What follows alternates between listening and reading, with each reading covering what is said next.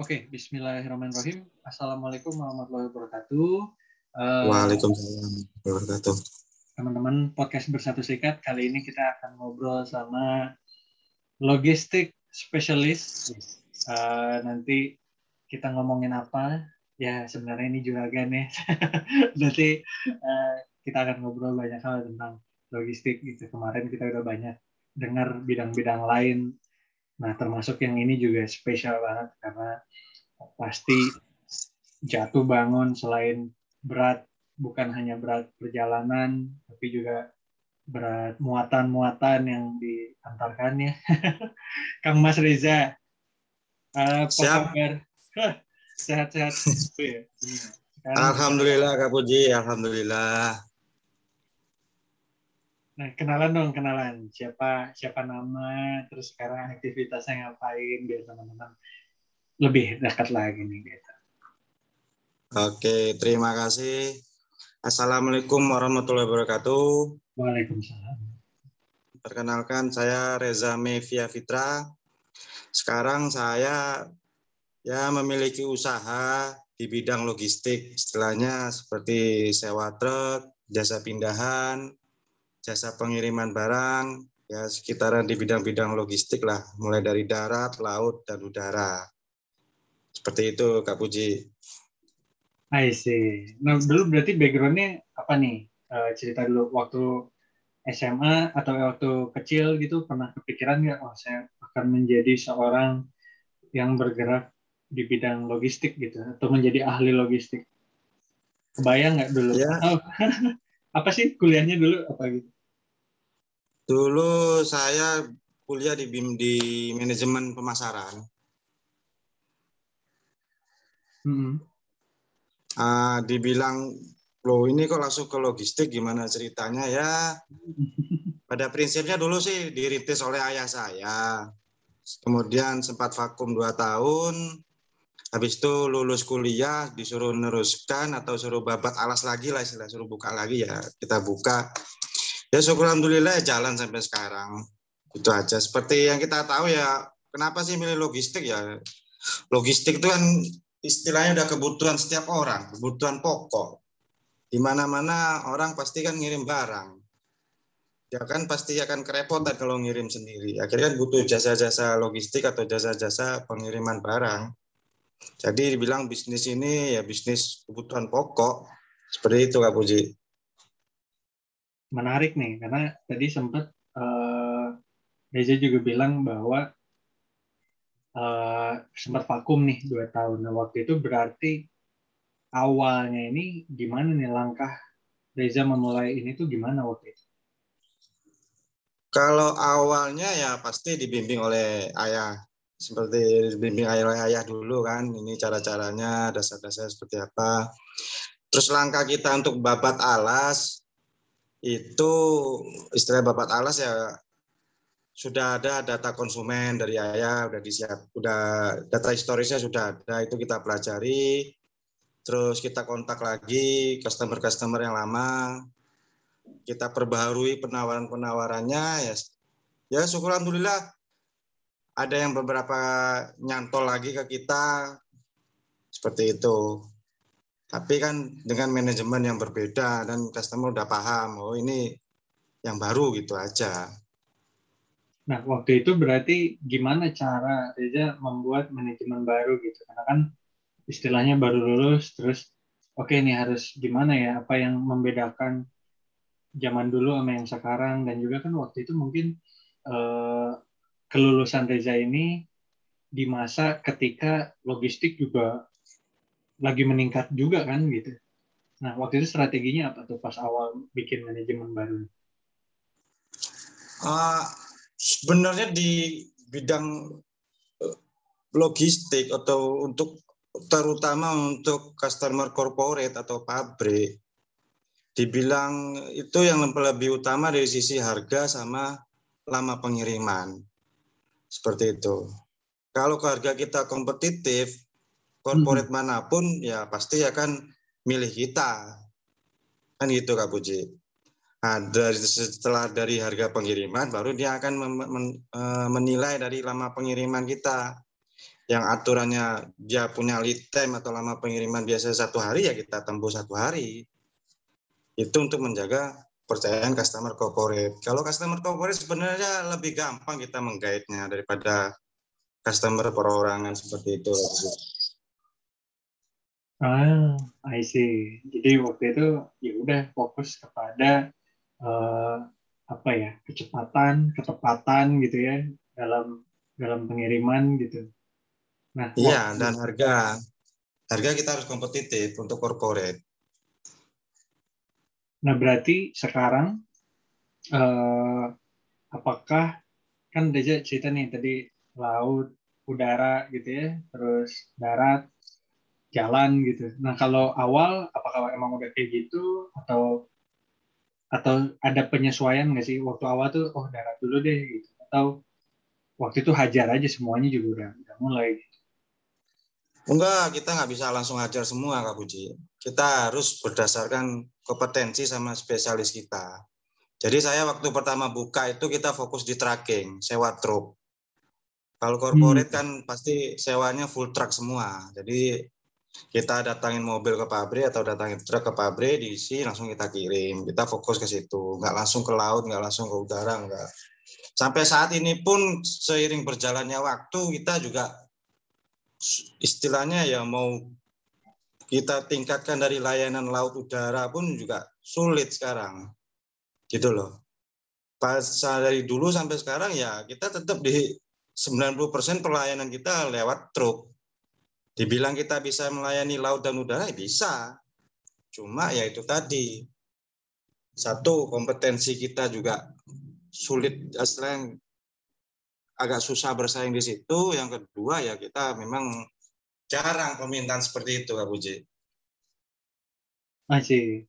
Nah kalau berarti sebenarnya eh, tantangan terbesarnya apa nih? Ya, waktu pas awal-awal atau bahkan sampai sekarang tuh kayaknya kan kemarin eh kemarin apa tadi juga cerita uh, tentang kalau menggait corporate ini sebenarnya dengan kompetitif dan juga uh, ketepatan dan kecepatan pengiriman tuh bisa bisa lah lebih mudah gitu. Nah tapi kalau tantangan di lapangannya berarti apakah manage SDM-nya, apakah di supirnya, apakah nanti di perjalanannya, apa sih sebenarnya yang menjadi tantangan selama pengiriman barang gitu? Tantangan selama pengiriman barang yang pasti untuk daerah-daerah tertentu Kak Puji seperti Sumatera itu ada beberapa daerah yang istilahnya rawan atau tidak aman dari sisi keselamatan barang, keselamatan kendaraan dan keselamatan supir. Itu satu keamanan barang untuk wilayah-wilayah tertentu. Untuk Pulau Jawa, Bali, NTB, NTT ya insya Allah aman. Tapi untuk daerah Sumatera kita ya ada beberapa daerah yang kita harus waspadai.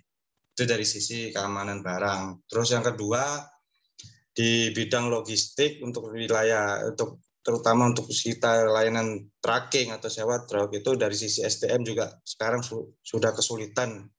Kesulitannya seperti apa? Kita kesulitan untuk uh, memanajemen supir.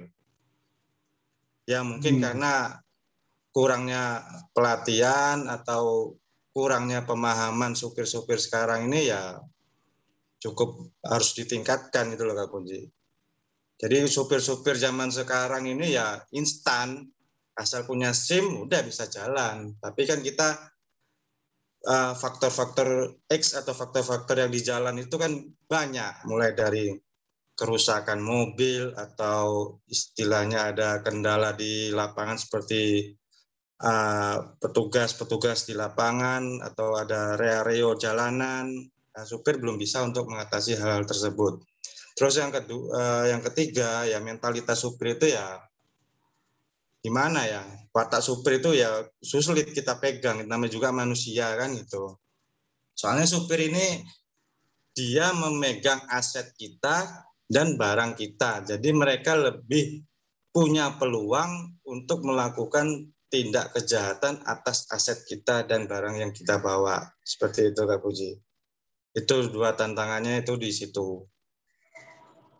I see. Nah, akhirnya meminimalisirnya gimana tuh dari Reza biar semuanya ya sekarang kan udah bertahun-tahun ya berjalan dan yeah. lancar-lancar gitu kan pasti ada trik-trik dari Reza yang setelahnya oke okay, memanage teman-teman yang bawa aset ini bisa jadi lebih lebih siap gitu di jalan gitu yang tadi kan gitu. karena kan ini asetnya bukan cuma perusahaan tapi juga klien kan gitu. Ya, kalau dulu pertama-pertama jalanin bisnis ini, dosen saya udah pernah bilang, kalau kamu main bisnis ini, ya kamu nggak perlu punya truk, ya kan? Kamu pakai full vendor, pakai truk orang semua, sistem sewa, kirim, selesai. Jadi semua resiko kamu alihkan ke vendor kamu. Itu waktu kita awal-awal bisnis sudah dinasihati seperti itu sih sama dosen. Tapi karena kita waktu itu masih jiwa muda kan, hmm. ada suatu ambisi kan gitu. Kalau kita punya truk sendiri kenapa enggak kan gitu Kak Puji. Hmm. Untung kita kan lebih banyak kan gitu ya seiring berjalannya waktu ya ternyata ya memang berat ketika kita punya armada sendiri. Dan sampai sekarang kita sudah mulai mengurangi 80% orderan kita kita serahkan ke vendor atau pihak ketiga. Jadi saya sewa truk orang, ini saya ada barang kamu bawain ke alamat ini ongkosnya sekian. Kan gitu. Sumpama saya dari customer dapat ongkos kirim satu juta, saya lempar ke vendor, ke mobil orang lah, ke truk orang kan gitu. 800 ribu, saya masih untung 200 ribu, istilahnya 20 persen. Tapi kita sudah mengalihkan semua resiko kita di jalan kepada dia. Ketika ada apa-apa di jalan, ya dia kita minta pertanggungjawabannya. Sampai sekarang kita jalani seperti itulah saya kita adaptasi terus ya akhirnya kita pada suatu kesimpulan ya mungkin porsinya kita besarkan ke vendor aja kita lebih fokus ke guide customer-customer dan merawat customer-customer yang ada. I see. Nah kalau berarti kalau si supir tadi kan sudah nih si manajemennya uh, risk manajemennya sudah di, dikelola lah. Gitu. Nah menariknya adalah ketika Reza cerita tadi uh, fokus ke menggait dan apa ya istilahnya memaintain gitu, memaintain yeah. klien yang lama gitu. Nah, biasanya seberapa sering sih si si klien ini kirim barang? Tapi kan pasti macam-macam. Korporat bisa ada yang tiap hari mungkin yang uh, atau gimana sih atau per bulan atau gimana sih biasanya? kalau kita customer kita yang corporate itu bisa kita prediksi Kak Puji dalam hmm. dalam setahun itu kita prediksi ada high season, low season sudah kita prediksi semua. Dia kan pasti rutin lah ngirimnya kan gitu. Tinggal kita maintenance aja ketika dia butuh mobil ya harus kita siapkan jangan sampai kita menolak. Walaupun gimana pun ya Pak saya butuh truk ini untuk tujuan ini siap laksanakan. Jangan sampai kita menolak orderan itu. Kalau sempat kita menolak orderan itu, ya dia punya opsi lain untuk ke ekspedisi lain. Seperti itu, Pak Puji. Nah, yang kita guide customer baru, nanti kita ke UKM, ke perorangan, itu biasanya kita siapa mulut ke mulut, terus iklan di beberapa media sosial atau internet, dan kita dapat customer seperti pindahan rumah, seperti itu. Ada UKM pengiriman barang sekian ratus kilo kita layani. Itu yang tidak rutin istilahnya. Ya kita tetap harus market terus untuk sasaran-sasaran untuk UKM dan perorangan. Kalau corporate sih, ya itu tadi lebih gampang sih kita guide-nya dan orderannya lebih gampang kita kita prediksi. I see. Nah, ja, kalau misalnya tadi kan kita cerita tentang eh, jalur-jalur darat ya gitu yang pakai truk dan lain-lain. Nah, akhirnya kalau misalnya berangkat ke arah timur atau ke arah barat, strateginya gimana sih? Kalau dari Reza biasanya kalau ke barat tadi uh, apakah kapal juga sekarang gitu ya? Atau ada darat dulu baru kapal atau gimana sih? Terus biasanya uh, Reza naruh berapa orang sih di perjalanan untuk antar barang? Karena kan mungkin dari Surabaya kalau kita ke Jakarta juga eh, tapi sekarang cepat ya kalau lewat tol. Atau lewat jalan biasa. Kalau untuk bagusnya untuk kita ke barat mulai dari Jawa atau dari Bali pun sampai Sumatera, dari Aceh lah, dari Aceh sampai Denpasar itu jalur darat memang lebih murah dan lebih cepat. Itu kalau untuk mana jalur darat. Kalau laut kita udah pasti Kalimantan, Sulawesi, Indonesia Timur udah pasti lebih murah lewat laut Kak Puji. Itu. Untuk tracking itu personil ya sekarang susah Kak Puji personil itu rata-rata satu orang supir doang gitu loh. Hmm. Kalau kita ngasih satu kru lagi untuk kernet udah berat di ongkos.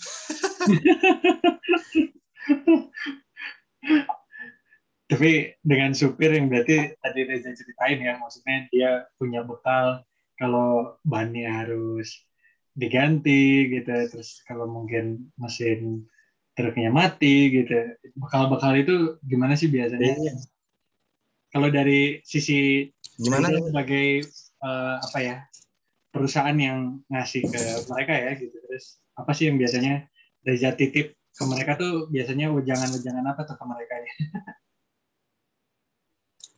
Wejangan wejangan ke supir yang pasti kita kasihkan satu komunikasi harus aktif terus kayak gitu. Kalau dalam arti ketika kita telepon sudah sampai mana dia harus cepat respon. Terus yang kedua, ketika pemilik barang nelpon supir ya tetap harus res, cepat respon. Kan gitu Kak Puji. Nah, kendala, terus yang kedua, kendala di jalan tetap laporan kita. Ada keterlambatan dalam hal satu, kerusakan, dia ada acara di rumah, atau dia sedang sakit, tetap kabarin ke kita. Seperti itu. I see.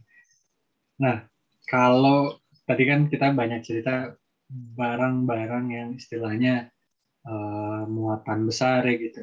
Berarti minimal berapa kilo Reza kalau berangkat eh, atau kita mau kirim sebagai kliennya Reza berarti berapa kilo minimal? Di tempat kita minimal 30 kilo Kak Puji. 30 ya. Jadi teman-teman yeah.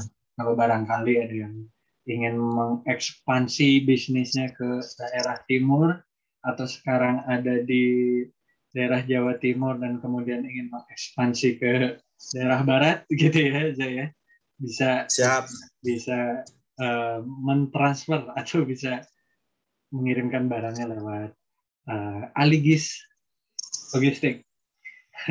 nah, aja masuk masuk itu kan tadi kita ngomonginnya lebar-lebar nih gitu ke luar gitu. Nah kalau tantangannya ya tantangannya buat yang karena kan gereja juga nggak cuman keluar kota nih, tapi di dalam kota juga kayak pindahan rumah, pindahan kos, pindahan kantor gitu. Nah, biasanya kalau yang kayak gini tantangannya apa sih?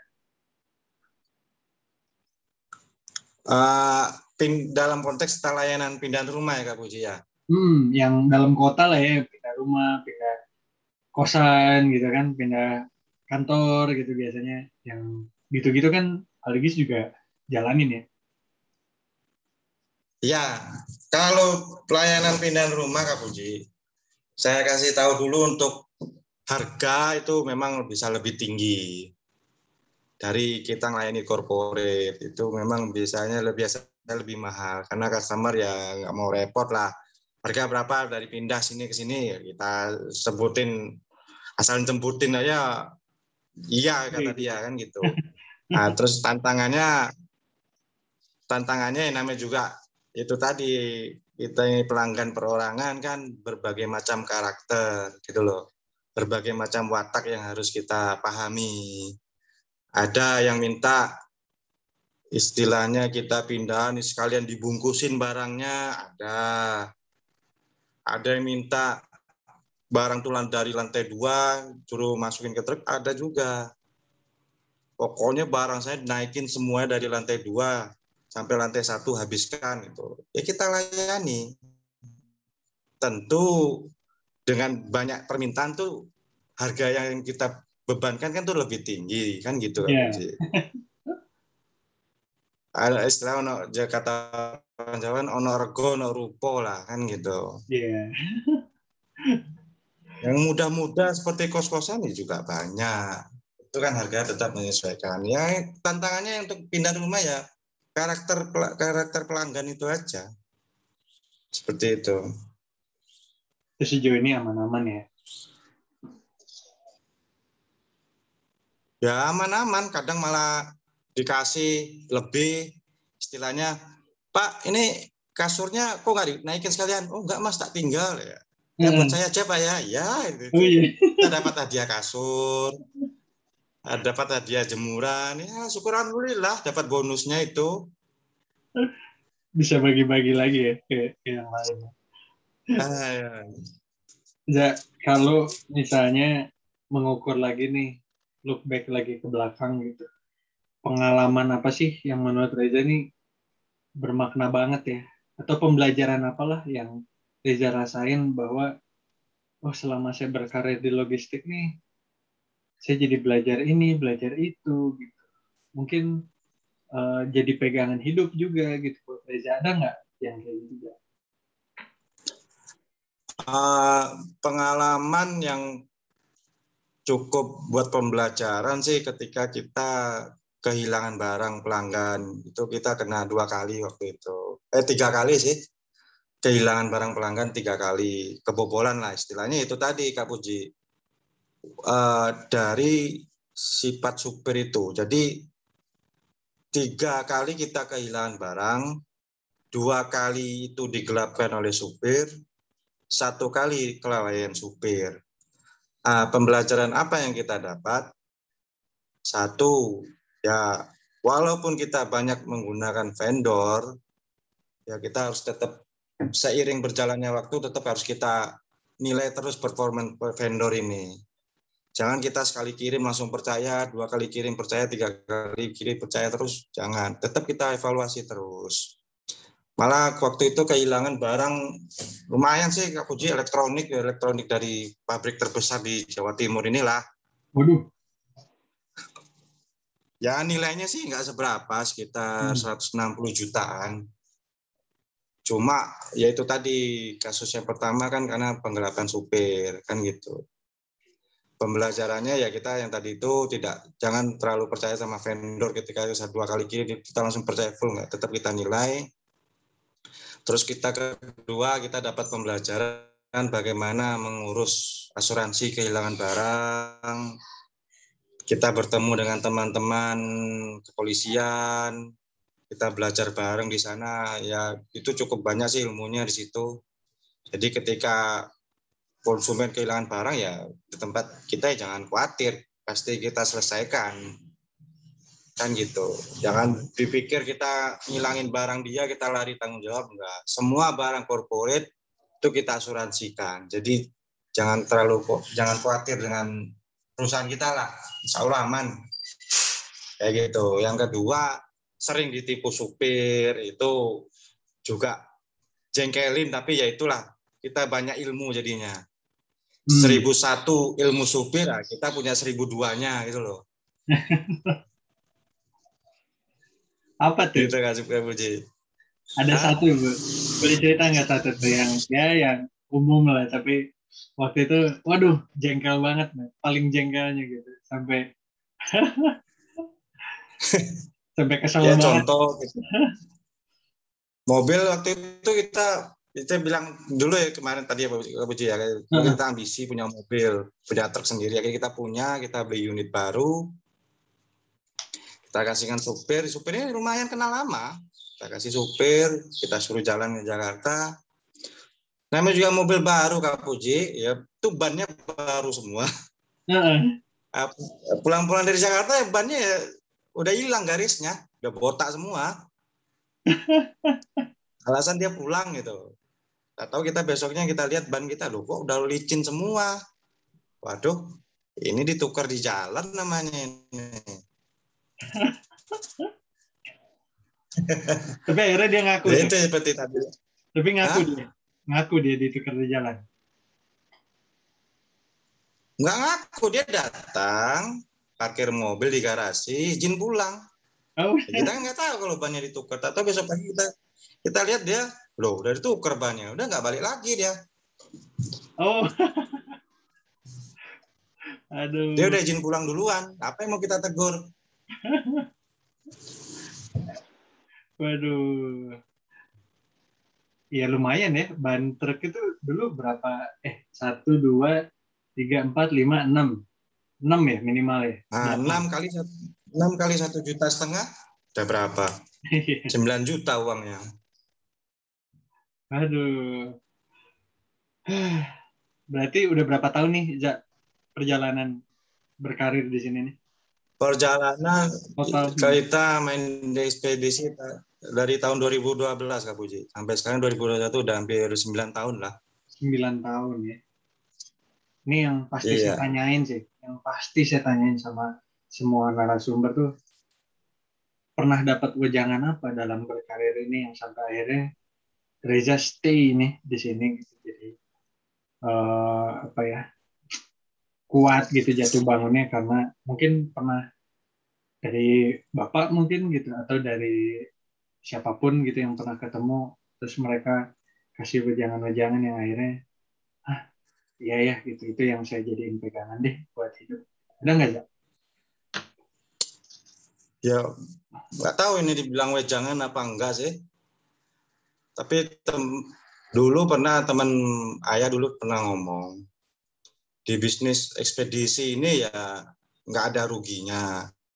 Yaitu tadi kita bilang ini kebutuhan pokok. Itu loh. Kita di ekspedisi, ya kan? Hmm. Nggak punya mobil, bisa pakai mobil orang. Kan gitu Kak Puji. Nah, walau yang penting kita punya orderannya. Itu istilahnya yang ada matinya lah ekspedisi ini Kak Puji gitu loh. Jadi jangan terlalu bingung. Dan dibilang ya ekspedisi ini ya gampang kerjanya. Untuk kerjaan sewa truk itu lebih gampang. Nah, isi. Ya, udah di penghujung nih. Terakhir ya, terakhir. Tadi uh, banyak gitu cerita-cerita tentang uh, Bapak juga kasih ujangan gitu ya. Terus di perjalanan uh, karir ini gitu di logistik banyak juga kejadian-kejadian ya nggak cuma handle order tapi juga handle problem problem di lapangan ya gitu. Ya, nah, buat teman-teman nih yang sekarang sekarang baru merintis bisnis nih atau mungkin mereka yang lagi goyang nih gitu karena kondisi lagi wah lagi drop banget nih jadi boleh kasih tips nggak buat mereka nih sebagai penutup uh, biar biar semangat lagi nih. entah yang merintis ataupun yang lagi lagi down banget. Oh gitu.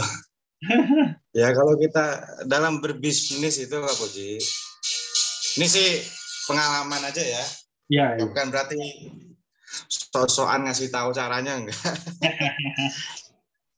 dalam bisnis itu yang penting jalan aja dulu dijalani aja. Yang penting kita orangnya integritas, jujur, itu lebih gampang dapat jalan. Jangan terpikir kita, wah ini pandemi, kita bisnis kita stuck enggak. Yang penting kita jalan terus. Terus yang kedua yaitu tadi, istilah zaman sekarang ya tetap harus adaptif. Adaptasi dengan keadaan. Kalau perlu shifting ya shifting. Yang biasanya manual otomat harus balik ke internet ya harus kita lakoni. Setelah perubahan kan pasti terjadi Kak Puji. Gitu loh. Yang ketiga, kita tetap kerjasama sama orang. Kita nggak mungkin bisa jalan sendirian. Ngomong kosong itu bisa bisnis sendiri, terus jaya sendiri. Ngomong setelah ini bisa sukses sendiri nggak mungkin. Kerjasama itu seperti apa sih Kak Puji? Baik dengan vendor, bahkan dengan kompetitor. Jadi di zaman sekarang udah nggak ada itu kompetitor itu. Kalau istilah agama sih rezeki itu udah ada masing-masing. Apa sih yang mau kita takutin kan gitu. oh kompetitor kita ini ini ini nggak ada. Saya lebih sering kerjasama dengan kompetitor dan kita berbagi orderan. Hmm. Gitu loh. Jadi bukan hanya saya kerjasama dengan vendor ini kita biar enggak. Dengan kompetitor pun kita kerjasama. Contohnya gimana? Kita sama-sama pemain Sumatera. Ya udah kita bagi. Saya punya orderan, kamu punya mobil, ya udah mobilmu tak pakai. Nah, kamu punya orderan tapi mobilmu lagi nggak ada, ya mobil kita dipakai. Itu normal. Zaman sekarang itu udah normal. Kembali lagi, rezeki itu udah ada alamatnya sendiri, jadi nggak usah khawatir. Itu Kak Boji. ya, makasih banget yang tadi setuju banget. Siap. Rezeki udah diatur, sekarang bukan kompetisi ya, tapi kolaborasi ya. Jadi kan ah, kolaborasi semoga juga teman-teman uh, bisa dapat inspirasinya hari ini pasti banyak banget tadi yang dipelajari apalagi kita belum ngobrol tentang bidang logistik nih sebelum-sebelumnya nah siapa tahu juga ada yang bisa dikolaborasiin sama Reza atau sama teman-teman yang uh, dengar gitu sekarang Ja, thank you banget sehat-sehat pokoknya sukses buat bisnisnya Amin. Amin ya robbal alamin senang banget akhirnya berkesempatan ngobrol sama Reza. Jadi, ja, terima kasih banget ya. ya. Siap. Siap. Assalamualaikum warahmatullahi wabarakatuh. Waalaikumsalam warahmatullahi wabarakatuh. Ya, sehat-sehat ya.